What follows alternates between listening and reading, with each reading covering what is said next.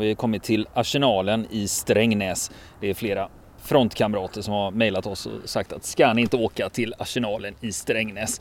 Och nu har vi till slut kommit hit.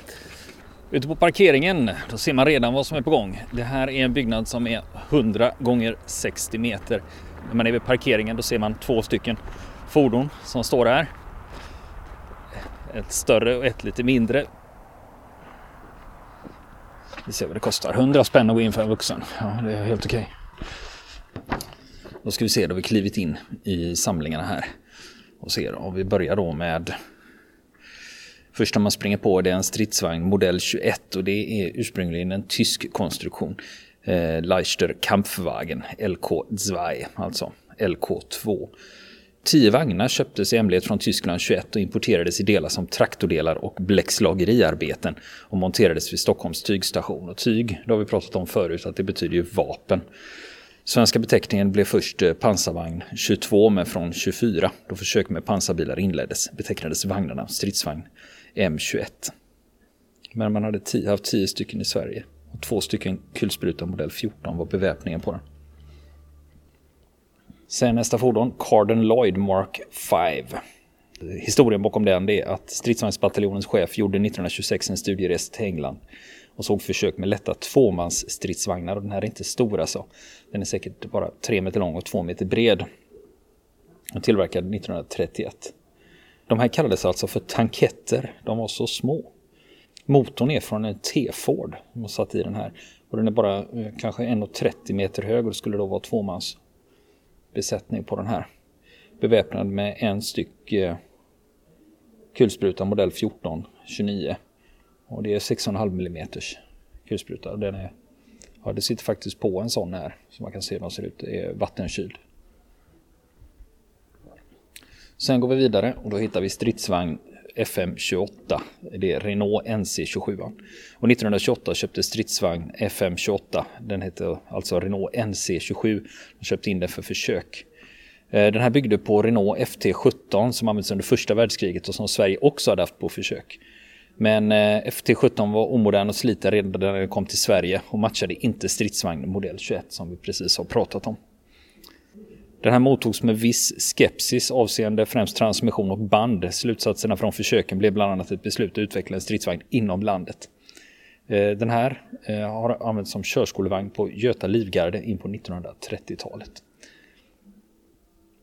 Och det som är intressant med den här är att Sveriges, eh, den som står här, NC27, det är den enda bevarade i världen. Och det är också därför som folk kan komma hit från andra länder för att titta om man är intresserad av sådana här saker. Så där har vi lite försöksvagnar och lite äldre grejer. Vi ska se sen, eh, det verkar som att de står i, tids, i tidsordningar. Sen har vi stridsvagn FM31. Framkomligheten samt förmågan att snabbt förflytta sig på väg hade fått hög prioritet mot slutet av 20-talet. Stridsvagn 31 utvecklades av Landsverk utifrån en tysk 20-talskonstruktion. Byggde vanlig stålplåt och tornet är en attrapp i trä. Kombinationen av hjul och band skulle möjliggöra hög hastighet på landsväg utan att göra avkall på terrängframkomligheten. Motorn är en Maybach V12 bensinmotor på 150 hästar. Men eh, det står ingenting om någon beväpning eftersom tornet var byggt i träd. Eh, stridsvagn FM31 användes fram till 1940 som övningsvagn för blivande förare. Och här har vi då Sveriges första stridsvagn.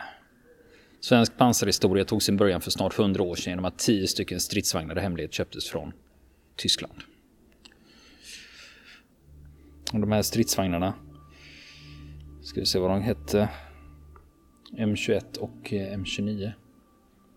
Redan 2001 föddes tanken på att försöka renovera en av de fyra kvarvarande stridsvagn M21-29 till körbart skick. Men arbetet för att planera för museet Arsenalen gjorde att projektet lades på is.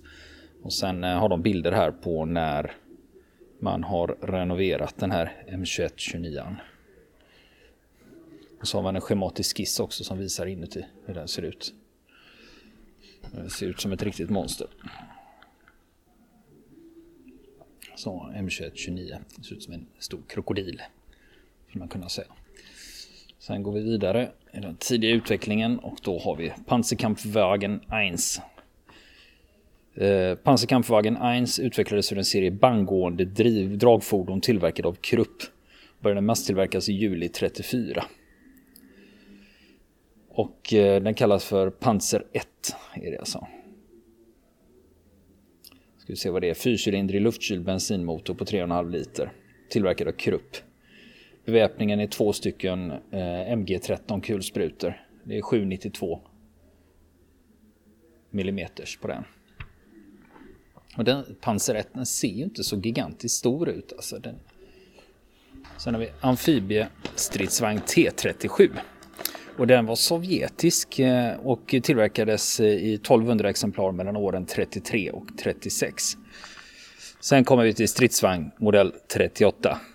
Eh, tillverkad av Landsverk Sverige. Scania Vabis 664 rak 6 och den tillverkades 38 till 39 och den hade en stycken 37 mm kanon och eh, två stycken 8 mm kulsprutor. Här har vi också ett litet medaljkabinett. Och det här gäller Sveriges kvinnliga bilkårister. Det är med uniform och eh, lite medaljer. Så där, vi vet ju om att de svenska frivilliga försvarsorganisationerna har varit väldigt aktiva. Här har vi ett litet diorama med en stridsvagn modell 37. Eh, tillverkad i eh, Tjeckien och då ska vi se, den kom ifrån CKD i Prag. Eh, se 4,5 ton, två stycken 8 mm kulsprutor, modell 36. Sen har vi Lynxen. Det är pansarbilar av modellen Lynx från Landsverk som lydde produktionen på Volvo. Det var, tillverkades 30 stycken åren 39 till 41. Den har ju hjul den här, den har ju inga bandvagn. Det är därför den heter pansarbil också, P-bil. P-bil 40. Eh, några Bofors 20 mm automatkanon och eh, tre stycken 8 mm kulsprutor. Här är det också öppet in i Lynxen. Sen kommer vi till stridsvagn modell 40. Eh, och eh, då ska vi se vad den har. 37 mm kanon, två stycken 8 mm kulsprutor. Så det är ju väldigt mycket från den svenska tiden där. Sen har vi stridsvagn modell 42. Eftersom omvärldens vagnar snabbt ökade i storlek beställdes 4142 från Landsverken tyngre vagn, stridsvagn 42. Tillverkningen skedde hos Landsverk samt på licens hos Volvo. Vagnen tillverkades ett flertal varianter med olika kombinationer och motor och växellåda. Det har en 7,5 cm kanon och eh, två stycken 8 mm kulsprutor. Det här med 8 mm och 6,5 eh, det var ju det som var standardammunitionen. Med ett Mauser var ju 6,5. Och sen kommer vi då till den klassiska KP-bilen, terrängbilen modell 42. Så den här är, det fanns ju två stycken, eh, det fanns ju två typer då, en var tillverkad av Scania och en var tillverkad av Volvo. Och KP, det står för kaross pansar. Vi har nämnt den flera gånger. Här har vi stormartillerivagnen, modell 43. Stormartilleri och då är det 10,5 cm kanon modell 44. Och här kommer vi ju fram till stridsvagnen M4A4, alltså en Sherman. Och den är tillverkad av Detroit Tank Arsenal, Eh, alltså tillverkad av Chrysler i USA. Och den har en 76 mm kanon och en 762 mm kulspruta. Och vad gör den här då? Jo, efter kriget, alltså andra världskriget, då köpte Sverige fyra Shermanvagnar av olika modeller för prov. De visade sig dock inte vara mycket bättre än den svenska stridsvagn modell 42. Och den här M4A4 användes istället för utveckling av bandsidriktningssystem som sen kom att användas i stridsvagn S. Men det är inte dåligt, man har en riktig Sherman stridsvagn stående här. Det är ju trevligt. Den har ingen, eh, den är eh, faktiskt omärkt den här. Inga symboler på den överhuvudtaget. Och sen har vi pansarbil modell 29. FM 29, alltså FM är försöksmodell. Och här kommer då eh, jaktpansar 38. Efterhand som de tidigt lätta, klent bepansrade och svagt beväpnade tyska stridsvagnarna blev omoderna byggdes dessa om. Tornet ersattes med en ny överbyggnad med antingen pansarvärnspjäs eller artilleripjäs. Hets är det kanske mest lyckade ombyggnationen av alla lätta stridsvagnar. Den byggde på det mycket fina tjeckiska 38T-chassit och blev en synnerligen effektiv pansarvärnskanon med hög rörlighet och liten målyta. I slutet av 43 gavs uppgiften åt CKD alltså den tjeckiska tillverkaren, att ta fram en lätt pansarvärnsvagn. Man tog fasta på fördelarna med sluttande pansar och monterade en 7,5 cm pansarvärnskanon på ett breddat 38T-chassi. Trots det bredare chassit var vagnen mycket trång och det var en knepig uppgift för konstruktören att få plats med en kraftfull kanon, motor och drivlina och fyramansbesättning besättning i en vagn som skulle vara så låg som möjligt och där pansaret sluttar kraftigt inåt. I november 44 fastställdes Hetzerns officiella beteckning till Jaktpanser 38. Efter andra världskrigets slut tillverkades en schweizisk version av Hetzern som fick beteckningen G13. Och det här är ju en jaktpansar 38. Den är ju inte okänd om vi säger så. Sen har vi en annan, ett annat fordon vi känner till, en Kübelwagen. Volkswagen Kübelwagen var ett lätt militärfordon designat av Ferdinand Porsche och byggdes av Volkswagen under andra världskriget för att användas av den tyska militären. Ja, det är roligt att se de här fordonen på riktigt. Just man har sett dem så mycket i, film, i gamla filmer och på bilder. Och så faktiskt få se dem stående här på museet. Det är en, faktiskt en häftig upplevelse. Och sen har vi Marder 2 Efterhand som de tidiga lätta, klent bepansrade och svagt beväpnade tyska stridsvagnarna blev omoderna byggdes de om. Tornet ersattes med ny överbyggnad med antingen pansarvärnspjäs eller artilleripjäs. Chassit från den lätta och klent beväpnade Panzer 2 användes för pansarvärnspjäsen Marder 2. Och det är en sån Marde 2 som står här. Men när vi pratar om andra ikoniska fordon. Så här ser jag en gammal bekant som jag känner igen. Det är stridsvagn T34 85. Och när T34 kom 1940 var Röda armén inte helt nöjd med den, främst på grund av att fjädringen var av en gammal modell. Ett försök att byta till den modernare torsionsfjädringen gjordes redan 41, men då Tyskland inlett operation Barbarossa övergavs den utvecklingen till förmån för massproduktion av den befintliga konstruktionen. Och då tillverkningsindustrin flyttats bortom Ural återupptogs utvecklingsarbetet. Och de här har ju tillverkats i Sovjet, Tjeckoslovakien och Polen. Den här har en 8,5 cm kanon och två stycken 762 kulsprutor. Och eh, det är just det när man ser de här. Och den här är ju då grön med en stor röd stjärna på. Här finns det också eh, stora informationstavlor på väggarna som förklarar eh, sammanhangen. Nu ska vi se vad de har för någonting här. Pansarvärnskanon modell 43 med 7,5 cm pansarvärnskanon. Så, vi, så det finns flera olika. Willys Jeep står här också. Jag menar det är klart, har du en Kübelwagen får du väl ha en Willys Jeep också. Det är ju också en av de här ikoniska fordonen från andra världskriget som de flesta känner igen. Utöver de här eh, fordonen jag nämner här så finns det ju en hel del olika fordon också som jag inte tar upp. Och här har vi en riktigt, riktigt stor pjäs.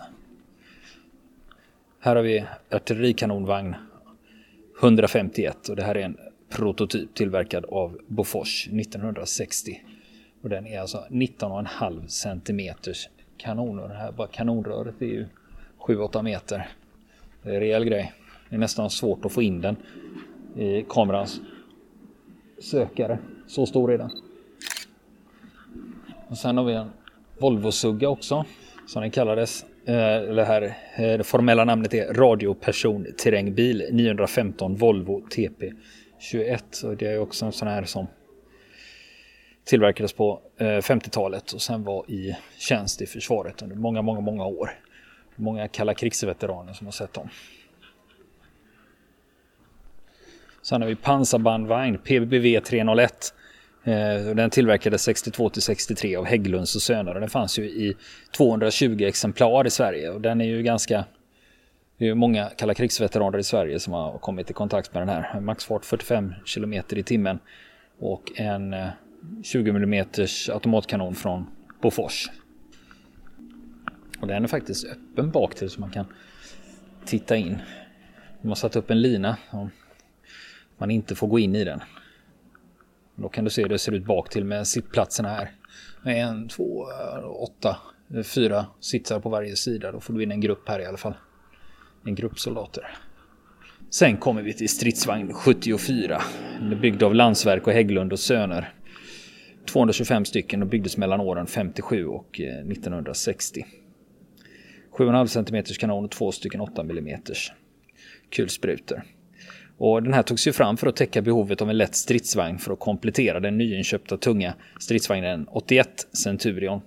Franska AMX 13 testades men ansågs ha för dåligt skydd och förslaget från Kungliga Armétygförvaltningen var att utveckla ett nytt torn och montera det på stridsvagn modell 42. Och då blev det en 7,5 cm luftvärnskanon från Bofors och det långa eldröret gav god verkan. Och den här vagnen, stridsvagn 74, den tjänstgjorde i pansarbrigaderna fram till 1967. Därefter användes den i fristående kompanier i infanteribrigaderna fram till 1984. Sen tog man tornen därifrån och använde dem som värntorn vid hamnar och flygplatser ut efter kusten. Och de fanns kvar ända in på 90-talet. Nu har jag kommit in på den lite modernare avdelningen. Känner man igen en del grejer. Och här har vi då Centurion, stridsvagn 101. Tillverkad 1959 till 1960 av Royal Ordnance. Och vi hade 110 stycken i svensk tjänst. För i början av 50-talet så behövde man en ersättare för stridsvagn modell 42 och valet föll på Centurion som utvecklats i Storbritannien i slutet av andra världskriget. Men de har ju aldrig sätta in den under andra världskriget. Men det kom att bli en av världens mest kända och använda vagnar. Och de första Centurion-vagnarna, stridsvagn 81, levererades redan 53. Och den modernare och bättre bestyckade Mark 10, stridsvagn 101, levererades 110 vagnar 60 till 61 hade kraftigare pansar, dubbelt så mycket internt bränsle och tornet hade försetts med ett golv så att laddaren slapp springa på vagnsgolvet och tornet roterade. Och Centuren har funnits på alla svenska pansarförband. Vagnen var omtyckt trots vissa tekniska egenheter och en benägenhet för bandkrängning. Den osynkroniserade växellådan ställde höga krav på föraren. Och med Centurion infördes i pansartrupperna den vattenkokare som numera ingen svensk stridsvagnsbesättning vill vara utan. Under 80-talet försågs vagnarna med nytt riktsystem, nytt sikte och laseravståndsmätare. 92 utbildas de sista kompanierna på stridsvagn 101 och stridsvagn 104 gick ur tjänst 2001. Det är imponerande hur länge saker och ting har varit har kunnat hänga med. Vill man se svensk pansarhistoria så är det ju hit man ska åka. Här, här har de ju grejerna. Va? Sen har vi TGB 12, det vill säga terrängbil 12 tillverkad 1972. Och här står det en eh, vagn som har rejält med lera på, på banden. Det är en stridsvagn 104, en Centurion. De är tillverkade 53 och 55 och så ombyggda 83 till 87. De var byggda av Royal Ordnance i Storbritannien men sen blev de ombyggda av Hägglunds i Örnsköldsvik. Och man hade 80 vagnar i Sverige av 104 Centurion. Och de 80 vagnarna användes först på P6 i Kristianstad, därefter under två år på P10 i Strängnäs och slutligen på P18 Visby. Stridsvagn 104 utgick ju 2001, så den var ju i svensk tjänst bra länge. Och sen har vi ett stort, stort eh, föremål här. Det är stridsvagnen Chieftain Mark 10 och Chieftain var den första brittiska vagn som på designstadiet skulle axla både de traditionella rollerna, tungt beväpnad med högst, högt skyddsvärde och samtidigt lättrörlig. Och det var en 120 mm kanon, eh, skulle monteras i en vagn som fick väga högst 45 ton. Eh, tillverkad 65 till 1985 och var i tjänst eh, fram till 95. Chieftain har funnits i olika varianter i England, Iran, Irak, Jordanien, Kuwait, Oman, Oman och har deltagit i Iran-Irak och Irak-Kuwait-krigen. Och här ser vi något, en siluett som ser bekant ut. Jajamän, det är en rysk T72. Eh, och de här var ju tillverkade i Sovjet, Polen och Tjeckoslovakien. De började ju tillverkas 74 och tillverkas faktiskt än idag. Och eh, det är över 25 000 som eh, är tillverkade. Och den här eh, vagnen den har en lång historia med djupa rötter i inledningsskedet av det stora fosterländska kriget. Då flyttades den sovjetiska rustningsindustrin under den tyska framryckningen till platser öster om Uralbergen. Och i slutet av 50-talet flyttades fabrikerna tillbaka. Arméförsöken med den här nya vagnen inleddes 68 i Kobinka och fältförsöken som gjordes 72 ledde till den första serieversionen, det vill säga produktionsstarten, som var 1974. Och vagnen är automatladdad så besättningen består av vagnchef, skytt och förare tillika mekaniker. Vagnen är liten och betydligt lättare än sina motståndarvagnar. T72 finns i flera versioner, bärgare, ingenjörsfordon, broläggare med mera. Den här vagnen som står här, den har tjänstgjort i Nationale Volksarmé. Alltså det var ju östtyska armén, NVA. Och den är troligen tillverkad i Polen eller Tjeckoslovakien. En handfull länder, bland annat Finland och Tyskland, har avvecklat sina 72 er Ja, så den har varit i tjänst i Östtyskland den här vagnen. Det är intressant. Men eh, du vet, det finns ju vissa fordon som direkt när man ser den så, jaha, det känner man ju igen. Sen har vi, gå in här så har vi lite, lite mindre modernare fordon. Bland annat eh, se en, en eh, Humvee. Eh, de producerade från 1984 och de har ju varit med bra. Vid det här laget har de varit med om en hel del grejer. Sen har vi en pansarbil, en M8 Greyhound. Den är ju amerikansk. Och det här var ju en sån som svenskarna använde nere i Kongo. I december 62 gjorde FN en offensiv mot rebellerna med två Greyhound som döps till Nina Bell och Lulle Bell. Man hade endast ett rostigt 37 mm skott till varje bil, men kulsprutorna fungerade och rebellerna drevs på flykten. Ingen av de svenska M8 har bevarats, arsenalens fordon är en kopia. Det var ju kanske var lite svårt att flytta hem. M8 Greyhound alltså. Och sen har vi en eh, grej från Hägglunds som man känner igen. Det är bandvagn 208S. Det är en prototyp det här i och för sig. Det är en prototyp till den pansrade utvecklingen av bandvagn 206-208. Sen har vi en Daimler Ferret Mark 2 och varför är den här intressant för oss svenskar? Jo, svenska FN-soldater på Cypern använde 12 stycken Ferret från den brittiska armén som också var där. Där finns mycket väl beskrivet ett par nummer av pansar som ges ut av Svensk pansarhistorisk förening. Den här eh, Ferreten kom till Sverige 2008 genom Försvarsmaktens försorg. Det är en liten, liten pansarbil. Den här eh, den är vit med FN-märkningar. Och sen har vi modernare, modernare grejer. Här har vi Galten terrängbil 16 som den heter. Det är ett pansrat terrängfordon utvecklat och tillverkat i Sydafrika och det är BAE Land System som har gjort den. Svenska försvaret har köpt 380 stycken som levererades 2005 till 2010. Och det fordon som står där det är prototypen och tidigare så kallades den här bilen för personterrängbil 6. Hjulen är försedda med lufttrycksreglering och det sköter man från förarplatsen. Olika typer av vapen kan monteras i vapenhållaren på taket. Det är en rak sexa, en diesel på 3,2 liter. Det ger 181 hästkrafter och det är tillverkat av Steyr, österrikiska alltså. Väger 7 ton. Fast det är klart, så fort du ska pansra någonting så går ju vikten upp. Och sen här har vi ju grejer från svenska kalla kriget. Pansarbandvagn 206 från Hägglunds. Antal tillverkade 11 000. Antal i svensk tjänst 4 500. Den här gick ju också på export. Så att eh, den var ju populär på många håll och det är väldigt många värnpliktiga. Och eh, här har man också ett litet diorama. Folk står bredvid i, och de är klädda i M90. Vi har en hundförare från Hemvärnet med eh, pistol 88 i hölster. Och sen har vi en eh, docka utklädd till hemvärnssoldat med en AK4 hängande runt nacken. Och sen kommer vi då till stridsvagn 103, stridsvagn S.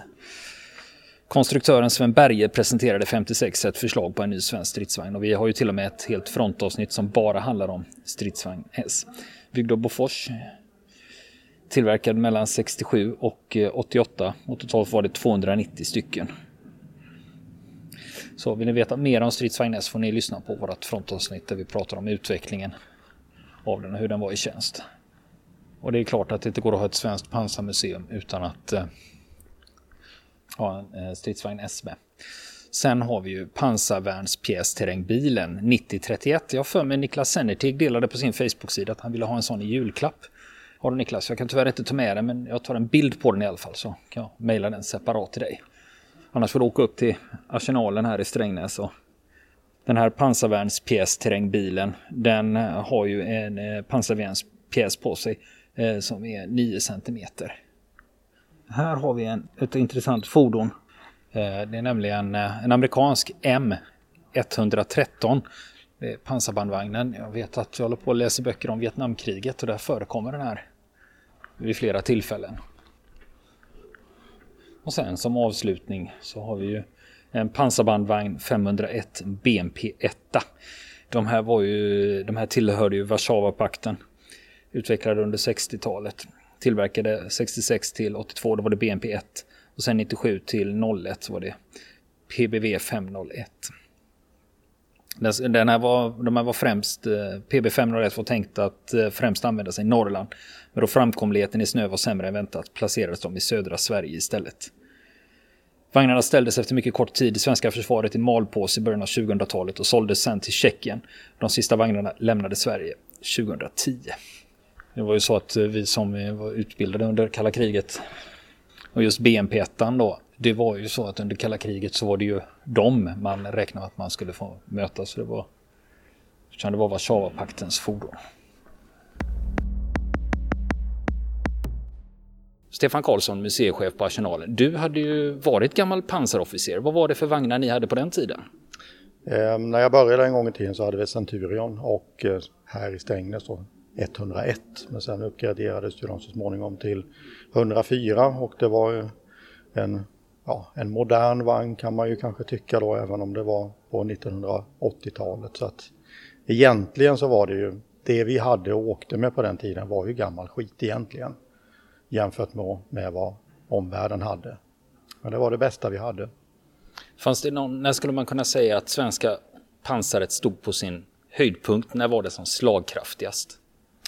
Eh, det var det nog i slutet på 60-talet när man hade då fått 103 man hade Centurionerna och eh, de vagnarna var då i ungefär jämbördiga med det som omvärlden hade. Inte riktigt men ändå, det var på ungefär den nivån.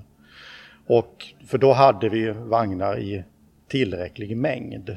Sen när vi kliver ett antal år framåt och tittar då på stridsvagn 122 som ju blev en av världens bästa stridsvagnar var ju då kvalitetsmässigt mycket, mycket bättre än det vi hade på 60-talet. Men med 120 stycken så antalsmässigt så var det ju inte någon slagkraft i det. Det var ju bra kvalitet men alldeles för få. Hur kan det komma sig att det var lilla Sverige som lyckades producera fram världens bästa stridsvagn på ett eh, tyskt koncept? Eh, ja, ehm, det är en bra fråga, men jag tror att, att eh, vi, vi ställde ganska stora krav på vad vi ville ha och tog några steg längre än vad tyskarna själva eh, hade gjort. För de har inte riktigt haft samma filosofi där med att användarna då har varit med och ställt krav i vad man vill ha för någonting, utan industrin levererar en produkt som man mer eller mindre accepterar. I Sverige så är vi mycket mer och har varit för att ställa krav och och eh, ha en bra dialog med tillverkaren. Ibland så har det slagit väl ut att vi har fått grejer som har varit hög kvalitet i rätt tid. Ibland så har det blivit att vi har fått grejer som förvisso har hållit hög kvalitet men kanske 25 år för sent därför att Helikopter 14 blev ju väldigt försenad därför att vi ville ha den annorlunda än alla andra. Så det är ju ett exempel där vi kanske ställde för stora krav i förhållande till vad vi kanske hade kunnat nöja oss med. Det var ju en stor internationell tv-kanal som skulle utse världens bästa stridsvagn och det var ju där 122 utsågs till världens bästa stridsvagn. Och det som de var fascinerade över, det var, eh, det var just det här att den kunde driftas av värnpliktiga. Spelar det in tror du jämfört med att ha en eh, professionell yrkesarmé? Eh, ja, det kan kanske på sätt och vis göra. Om, om inte annat så upplevs väl det kanske från många länder då som väldigt speciellt och unikt. Eh, men moderna vagnar, alltså de kan ju skötas av värnpliktiga. Det, är ju inga konstigheter för de är just så pass enkla idag. Eh, så att eh, egentligen så tycker jag inte att det har någon praktisk betydelse i valet av vagn. Det är väl bara det att det lät så pass, vad ska vi säga, det var lite främmande och lite häftigt och lite unikt att wow, de värnpliktiga då som har väldigt kort utbildning kan göra det här. En fråga om museet här. Det brukar vara så här att alla museer brukar ha en sak som drar besökare. Och jag tänker framförallt på utländska besökare när de har rest till Sverige enbart för att komma hit och titta på en specifik sak. Vad är det de är ute efter då? Vad är det unika ni har? Um, ja, um, det är en väldigt bra fråga. Egentligen så har vi inget sånt riktigt dragplåster som lockar hit folk. Vi har ett antal saker som är världsunika som folk borde komma och titta på. Eh, men det gör de inte därför att det är ingen 10 eh, Vi har en unik vagn som står här, en Renault NC27. Det är den enda existerande vagnen i hela världen. Den är mer unik än den 10 som rullar i Bovington. Men lik förbaskat så kommer det inte 10 000 människor att titta på den därför att det är en Renault-vagn från mellan första och andra världskriget. I folks ögon helt ointressant. Ja, men det är ju lite, antingen kan du gå och se gärdsgårdsserien eller Champions League. Det är ju lite, är det, är det, är det lite samma tänk inom pansarsvängen? Jag tror, jag tror att det handlar mer om hur det har blivit ikoniskt på något sätt. Att eh, vissa saker har fått väldigt mycket uppmärksamhet. Eh, och sen kan det bero på alltså vad som helst. Skulle man, eh, nu raljerar det lite, men skulle man måla tyska beteckningar på fler vagnar då skulle fler komma och titta på dem. Ja, och den här tjusningen och tyska vagnar, vad är det? Är, är, är, är det bra ingenjörskonst? Ja, alltså på, på sätt och vis så skulle jag nog säga att det, det är det. Men det, ju, det, verkar inte vara det som är det som lockar folk utan det är det att det sitter det här tyska korset på. Det är det som drar folk, inte att den är eh, tekniskt bättre. Hade man haft de tyska korsen på en Shermanvagn som är tekniskt sämre så hade ju förmodligen den lockat mer. Så att det är någon sorts mystik i det här som jag tror är själva lockbetet, inte prylen i sig, utan man har skapat en mystik runt det här som sen bara lever vidare och blir större och större. Och det kan man ju hitta inom många olika områden där man, den här mystiken tror jag, det är det som lockar. Inte vad det kanske egentligen var. Mm. Eh, jag tänkte på hallen som vi står i här. Jag förstår att det finns mer grejer eh, som inte förvaras här i utställningsskick. Eh, har ni några intressanta projekt på gång? Ehm, ja, det finns ungefär 100 unika objekt till som inte är samma som står här som vi skulle vilja visa upp. Och vi har planer nu på att titta på hur vi ska kunna expandera Eh, byggnaden och för att då kunna visa mer av det vi har i samlingarna. Så att vi, vår förhoppning är att inom ett antal år att vi ska kunna realisera det så att vi ska kunna visa mer av det vi har. Eh, och under tiden så gör vi olika förändringar, eh, byter och tar hit sånt som står i samlingen undanställt och så lyfter vi fram det under en period och så byter vi med någonting nytt. Men vi har också dialog med andra museer utomlands om vi kan göra utbyte med dem under perioder så att vi med hjälp av deras föremål kan locka mer besökare och de kan med hjälp av våra föremål locka nya besökare till sina ställen. Så att det tittar vi på. Det finns en positiv eh, inställning från båda parter om det. Men du, var, du har varit museichef sedan etableringen här? Ja, det stämmer. Hur var det just med att få de här nya lokalerna och dra igång det från scratch? Hur kändes det?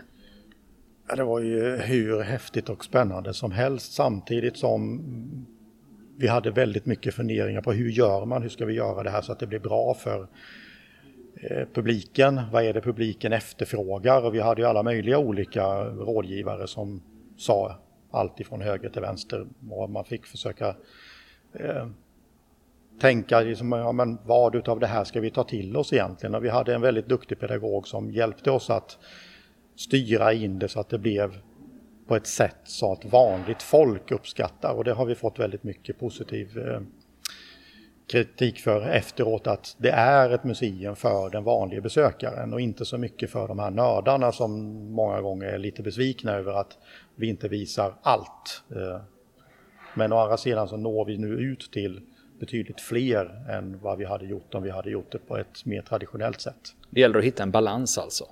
Ja, och den balansen är många gånger svår.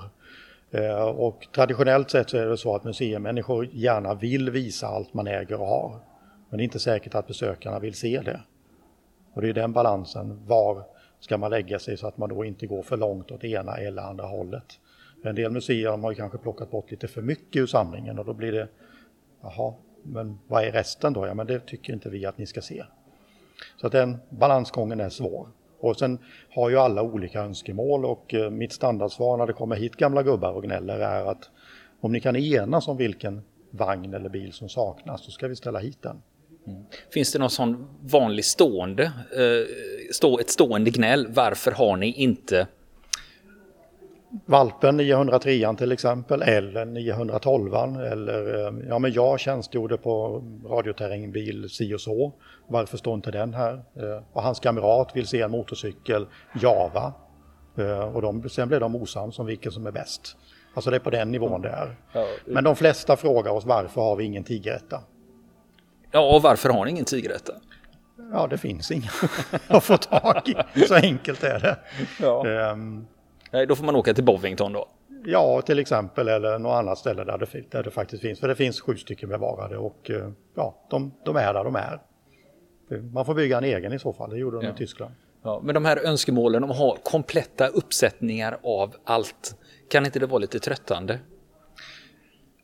Jo, alltså vi skulle ju i så fall skulle vi ha 16 stycken varianter av PBV 302. Alla likadana på ett eller annat sätt och fast de, är då, de har olika bokstavsbeteckningar. Då har man allt. Mm. Nej, för ibland kan det vara när, när det kommer hit då någon äldre herre och liksom vill kunna visa upp för barnbarnen att det var exakt en sån här farfar satt i och körde. Och så har ni inte den. Nej, det kan ju vara lite frustrerande och framförallt är det ju då de, de som kommer hit och frågar då varför vi inte har just hans vagn. Ja, men vi har en Stridsvagn 74 här borta. Ja, men det är inte det registreringsnumret som jag åkte i. Nej, okej. Okay. det är ju då lite svårt att uppfylla alla de kraven och en del människor tyvärr då förstår inte när man pratar med dem. Familjen runt omkring förstår mycket väl när man ja, säger, säger ja, åt dem, men, men, gubben själv kan ha svårt att inse detta. Det säga, ni kan inte ha alla fordon som har vistats i Sverige under hela kalla kriget? Nej, det är lite svårt. Um, man kanske inte ens kan ha en av var, vardera typ. Um, och man, om man då tittar hundra år framåt, hur mycket ska vi spara av allting? Vad är intressant och inte? Jättesvåra mm. frågor. Ja, hur, hur, gör ni när det gäller gallring just? Eh. Hur, hur, hur går snacket? Hur resonerar man? Det hänger väldigt mycket ihop med, med, hur det ser ut just vid den tidpunkten och att hur man har resonerat. Och backar man tillbaka i tiden så alltså man har sett på olika sätt vid olika tidpunkter. Eh, och det är väl tur att man då kanske inte har tagit mer aktiva beslut i att gallra än vad man har gjort. Utan man faktiskt har sparat ganska mycket men framöver så måste man ju vara aktiv och, och titta då på och egentligen föra en dialog med Försvarsmakten. Vad tycker ni att vi borde spara på? Vad har varit kanske väsentligt för organisationens utveckling eller den här hade vi där och då, den spelade den här rollen eller den här förekom där och där och, och sådär. Och det är, ju, det är ju egentligen då Försvarsmaktens representanter som ska föreslå, tycker jag, vad som borde sparas. Mm. En annan fråga när det gäller organisation och finansiering. Vem är det, var kommer pengarna ifrån? Eh, museet ägs och drivs av en privatstiftelse. Föremålen ägs av staten så att staten lämnar bidrag för att de står här och visas upp och resten drar vi in via intäkter från besökare. Eh, och det, och det rullar alltså i lilla Sverige? Eh, ja, konstigt nog så gör det det och intresset har ju ökat så att vi har ökat från 20 000 till 27 000 besökare bara på, på de senaste fem åren och det visar ju att det finns ett intresse. Och de som kommer är i huvudsak vanliga familjer faktiskt. Eh, med egentligen ganska lite eller ingen anknytning till försvaret. Men de har ett, en nyfikenhet, ett intresse av att ta del av vad är det här för någonting. många har ju kanske då föräldrar, syskon, andra då som har pratat om värnplikten. Och då blir det en mystik i det, det blir ett intresse. Vad, vad är det här de har pratat om för någonting? Och då vill man kanske ta del av det. Och man är kanske lite mer intresserad av vår historia generellt idag eftersom man får det serverat på många olika sätt. Jag har förstått att det har en del barnaktiviteter här också. Ja, det stämmer. För om barnen är positiva då är föräldrarna det också. Och det, det gäller ju som, alltså vi ser det väl lite som så att inte då få igång barnaktiviteterna så att de ska bli framtida soldater men det kan ju vara att man kan väcka tankarna hos ungdomar idag att kanske välja ett yrkesval i en framtid som är lite annorlunda än vad de kanske hade valt själva om man inser att det finns mycket konflikter i världen. Men då kanske vill satsa på någonting som har med humanitär hjälp eller kanske konfliktmedling eller någonting sånt där. Eller man kanske tycker att det är tekniskt spännande och då kanske jag blir ingenjör. jobbar på ett framtida företag i Sverige som ägnar sig inte nödvändigtvis åt stridsfordonsutveckling men det kan vara någonting som ändå är för Sveriges väl. Vad är det barnen kan göra när de kommer hit då? Eh, de, det finns lite tipspromenader, det finns skattjakter, vi har eh, olika aktiviteter, framförallt eh, skollov där vi sysselsätter dem på olika sätt. Så har vi ett fantastiskt lekrum där man kan härja precis som man vill. Eh, ni är även ute och kör med en del vagnar ibland. Vilka vagnar är det ni brukar ta ut? Eh, det är lite olika, men vi brukar försöka visa ett litet axplock av lite äldre och lite, lite modernare. Men det man vill se är ju framförallt då sådana saker som stridsvagn 103, eh, ikonisk känd vagn, eh, Centurion, eh, känd vagn. Det ska gärna vara tungt och bullra mycket och sådär för då igenkänningsfaktor.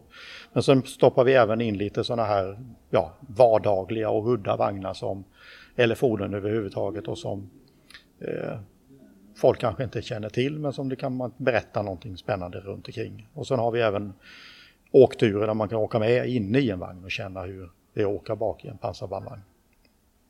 Men vi har även en spelhörna på övervåningen där man kan använda de här vagnarna i en datormiljö i World of Tanks eh, regi. Så att eh, då får man testa på och nyttja det man har tittat på i hallen eller vice versa. Vill ni komma i kontakt med oss så kan ni göra det via vår Facebook-sida som heter Fronten. Det är inga problem för er att leta er fram där. Eller också så mejlar ni på vår mejladress och det är frontenpodcast.gmail.com.